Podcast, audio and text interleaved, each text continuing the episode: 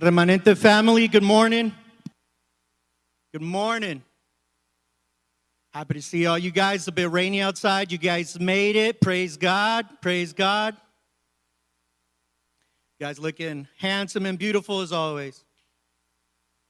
So, today we're going to start a new series. Pastor Uribe has initiated the new series called Rebuilding, Reconstruction. So today we're going to be talking about rebuilding, but what has to happen before you can rebuild? What has to happen? You see, before you can rebuild, you have to restore. You cannot rebuild on something that is broken, on something that is weak, on something that is rotten.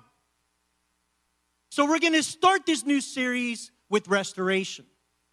And what does it take to restore? And what does it take to restore? We're going to go over three things. Three things we need to remember when we need Jesus to restore us. My wife and I, there's a couple TV shows, maybe you guys have seen it, where they flip houses. There's a couple, there's another couple, there's two brothers and two sisters, and they already have all kinds of flavors. But what they do is they go out and they find houses that are ugly, houses that are broken down, houses that are rotten that no one would dare buy these houses. You see, where everybody else sees decay and nastiness and degradation and rottenness, these people who are investors see potential, they see value. 20 years ago, this day on 9 11, there was a terrorist attack in New York. And the Twin Towers, the World Trade Centers came down. And it was a very horrific attack. Most of you weren't even born. So when this happened and this attack happened, these Twin Towers, downtown New York, was changed. It looked different. It looked like a war zone because it was beginning. It took them years to restore before they can rebuild. The cleanup was massive. And today we honor that memory because the motto is never forget. Never forget that there could be destruction, there can be an attack, and we honor those who lost their lives. Similarly, in your life, there might be an attack. There was probably an attack that in your life crumbled you and crushed you. Someone hurt you. You've been to war. You had trauma in your life. And there's pieces of your heart that were broken and they were down and now they're dirty and you've never been restored. So, how do we get this restoration? Remember, before you can rebuild, you have to restore. We have to clean up. We have to heal. We have to heal. And we're going to see an example. Normally, I hit you guys with a bunch of verses. Today, we're going to have three verses, but we're going to dive deep into these verses. And we're going to start with Mark chapter 1, verse 40 verse 40 through 42. We're just going to stay right there. Verse 40 tells us Now a leper came to him, imploring him, Jesus. So Jesus is walking with his disciples, and a leper came to him. Why is this significant? You see, because when back in the day in that culture, if you had leprosy and you had this sickness, remember, leprosy looked really bad. You had boils on your skin, like you smelled, your skin was actually decaying. So much so that we just went through COVID and social distancing six feet. Back then, they would throw something at you. Quítate, get away.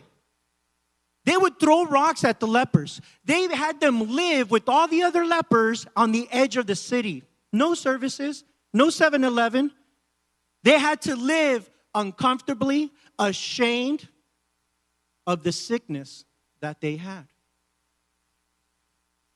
Now, newsflash that sickness of leprosy is symbolism also for our sin, for our trauma, for that brokenness, that thing that we have that's not good, that's nasty, that stinks, that we're not proud of, that we're ashamed of, and perhaps people throw rocks at you because of that. So, what do we see here? The leper had to be brave. The leper had to be brave because he came to Jesus. He goes, You know what? I want to be healed so bad that I'm okay if you throw rocks at me.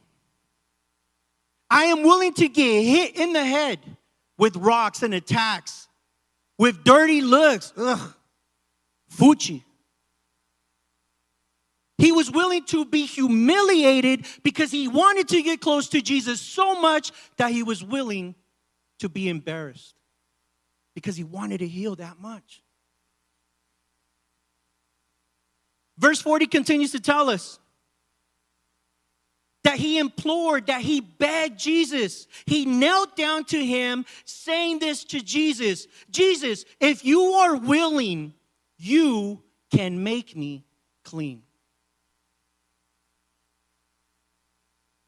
How many of us need to come to Jesus and say, Jesus, Lord, if you are willing, you can heal me of this, of this trauma. You can heal me of this pain. You can heal me of this sickness. How bad do you want it? Are you willing to risk getting rocks thrown at you? Are you willing to come to Remanente?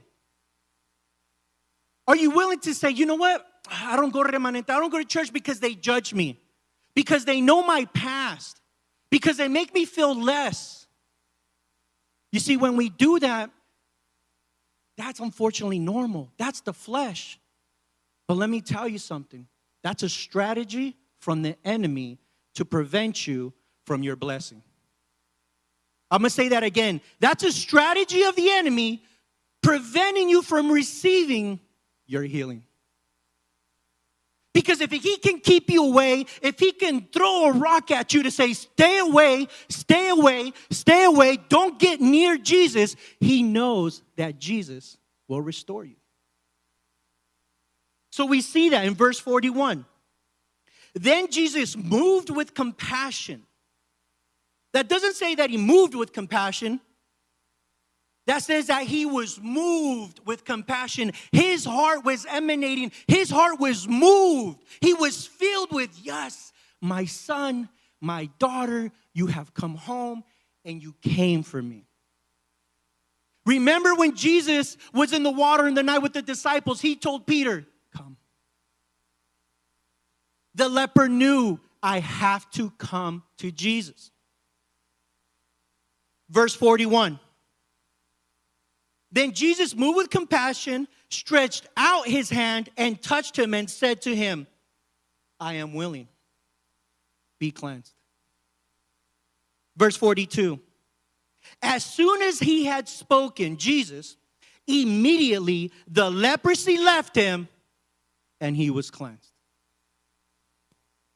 That deserves an amen. Come on, guys. Amen. So, what do we see here? We're going to break this down. The first thing we have to do is acknowledge the part of our lives that's preventing us from our blessing. Acknowledge. That means acknowledge that we have sin, acknowledge that we have committed wrong. Be real, 100%. When I was talking to some holiness, some of them told me straight up. They're like, Alex, we hear what you're saying, but are you real? We hear what you're preaching, but are you real? And I understand what they're saying. Am I sincere? Am I really passionate about what I'm talking about? And the answer is 1000% yes. Because I am filled with compassion, I am filled with passion. And when I'm tired, I ask God for strength, and He gives me more strength, and I keep going. Because Jesus did it for me. So I want to return the favor, full heart of sincerity, and give whatever I can to whoever I can. So when we acknowledge, we have to acknowledge our brokenness. Do you have a past?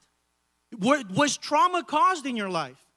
Or did you cause some trauma you haven't forgiven yourself about? Acknowledge your brokenness to him. The leper had to acknowledge, I'm right here, aquí estoy, I got leprosy, everybody's laughing at me, people are throwing rocks, but Jesus, I need you. Jesus, please, if you are willing, you can cleanse me. Part of that acknowledgement is acknowledging our sin. We all sin. Do not get it twisted. We all sin. Some people have that right here, some people have it in here. Maybe you don't see it. It's easy to judge somebody when you see their sin because you know their history. But what about those secret sins? What about the sins that were committed that you don't see? Oh, that brother, that sister, they're good. They're strong Christian life. That's what you see. That's what you see. But how do they act? How do they treat other people?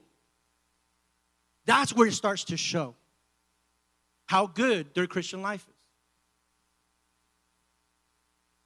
Acknowledge. What did the leper have to do? He had to acknowledge his brokenness, acknowledge his sin, and he had to acknowledge authority. He had to acknowledge that Jesus can restore and heal him. Jesus can restore and heal you. You have to believe that. You have to be willing to lay it on the line. You have to be willing to be real. Got to be real. You think the leper wanted to do that? You think he wanted to go to church? You think he wanted to go to Jesus? All the lepers like, no, no, don't go, don't go. They're to throw rocks at you. They're to make fun of us. They're to make you feel bad. Stay with us because we're all sick. We're all broken. We all need healing, but let's just stay in our little circle. Because when we're here and we're sitting together and we got this sickness, no one can judge us and no one can make, make us feel worse. The second thing,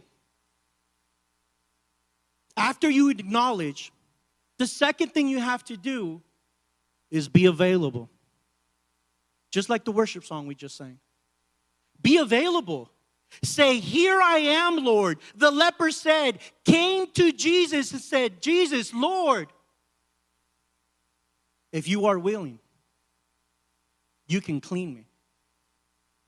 He acknowledged that. He, but he made himself available. He could have stayed over there. He could have stayed with this little group, but he was willing to come back. How many people criticize you because you come to church? You go to church? Oof. I remember what you did. You go to church? Alejandro, you? How many people just hold you back, just want to throw a rock at you? You take one step, you're trying to be better. Okay, I'm gonna go to church today. I really need it. And what is someone doing? Throwing a rock at you. Stay away. Don't go to church. You don't deserve it. You're not real. They're gonna see you. They're gonna smell you. They're gonna see your sin. So stay with us. Stay with us. Or you're gonna feel real bad. How many times do you feel uncomfortable or unworthy to come to church?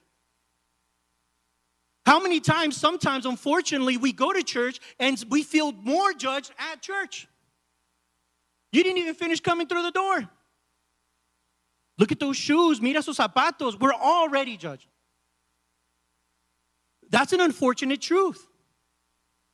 But are you willing to get that rock thrown at you? To come to remanente so you can feel Jesus' presence, so you can receive that healing? Are you willing to push through that? Or are you going to let that little rock deter you? You have to come to Him.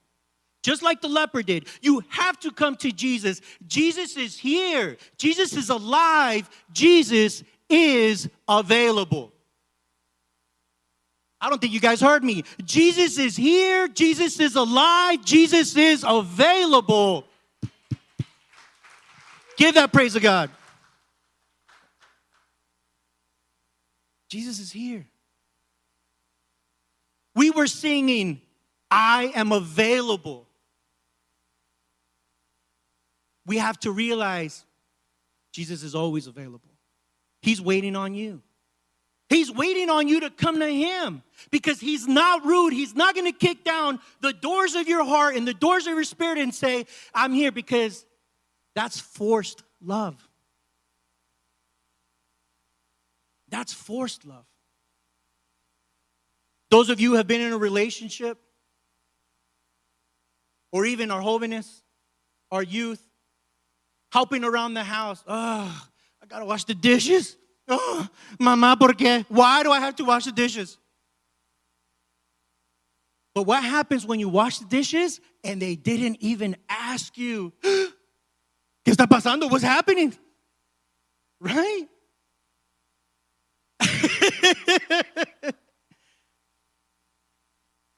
Doing things out of the kindness of your heart is a demonstration of love. When you help out around the house, when your husband says, You look really nice, mama. My queen, amen. When your wife and you come home and your wife's like, My king, welcome home. Woo, what's up? It's not forced. True love is not forced, it just comes out, it's just overflowing. And that's Jesus' love. So Jesus will not kick down the door to force you to love him. You have to come to him. You have to come to him. Amen? Jesus is willing. That's our third point. Jesus is willing. If we can go back to verse 41. In verse 41, we read, Then Jesus, moved with compassion, stretched out his hand and touched him and said, I am willing. That is so important. And to the people who have never had serious challenges in your life, I'm going to share something with you. This is for the people who have experienced a challenge in your life that has made you feel unworthy. When I was in that same situation, before I gave my life to Christ, I wanted to make sure that God wanted me because I didn't feel worthy. I didn't know this verse. I didn't know that he says, no matter your leprosy, no matter your sin, Alejandro, I am willing. Amen? Someone is receiving this today. I am willing. Jesus is willing to restore you. All you have to do is come to him. You are worthy, you are valuable. If you were a property, you would be a multi billion dollar mansion. But you got the door broken and the windows crashed and the grass hasn't been mowed. And when people see decay, Jesus see potential. Jesus sees your value. Jesus sees your worth. You're worth billions and billions and billions of dollars. And that's just monetary, and that's this much. You are so valuable to God. You are worth so much that He literally created everything for you. How much more love? I show Stephanie, my wife, some love. I have to buy her a flower. I can't make her a flower. I have to go buy it. I have to go buy it. I can't make the paper that I'm going to write her a cute little poem. I have to buy the paper. But God loved you so much. And ladies, when you receive something like, like, woohoo, man, he loves me. But imagine God how much he loves you, where he literally created every rose petal of every rose just for you. Amen? That's love. Jesus is willing. Jesus is filled with compassion. Jesus loves you and he is waiting for the leper to come. If you're connected online right now and you're going through some hard times, come. Come so we can pray for you. Some so you can receive this compassion, so we can welcome you to this family of imperfect people, including me. Remanente is not filled with perfect people. Remanente is filled with broken people who are healing, needing more of Jesus. Amen? Amen. Jesus touched the leper. He broke tradition. You don't touch a leper because if you touch the leper, you're like, I'm gonna get it. I'm gonna get it. I'm gonna get whatever he has. No, no, no, I'm not gonna pray for that sister, that brother, because no, I don't wanna, I don't wanna do that porque se me va a pegar. It's gonna stick to me whatever they got. Jesus says, Come here. Let me touch you. Let me touch your heart. Let me transform your life. All you got to do is come. He broke tradition. Jesus is not worried about your bad past. He's not worried about the smells or how rotten your foundation is. Jesus doesn't focus on your mistakes, he focuses on your potential. Now, this doesn't mean he doesn't see your sin. He saw the leprosy, he saw the sin, he sees it. This doesn't mean that it doesn't break his heart when we sin against him. So don't hear me say, oh, Pastor Alejandro said, I could sin because Jesus doesn't see it. No, that's not what I said. That's not what the Bible says. Be careful. That he acknowledges the sin is there. But even though it's there, even though it's in your past, even though that it's decaying your life right now, he is willing to touch you. He's willing to break tradition to restore your life. That's how much He loves you. He's filled with compassion. He loves, loves seeing you realizing that you need Him. Because that's unforced love. It's unforced. Think about your lives, think about your past. Don't let it hold you back. Don't let it hold you back from receiving your restoration. Don't let it hold you back from receiving your blessing. If I can ask the worship team to join me on stage, please.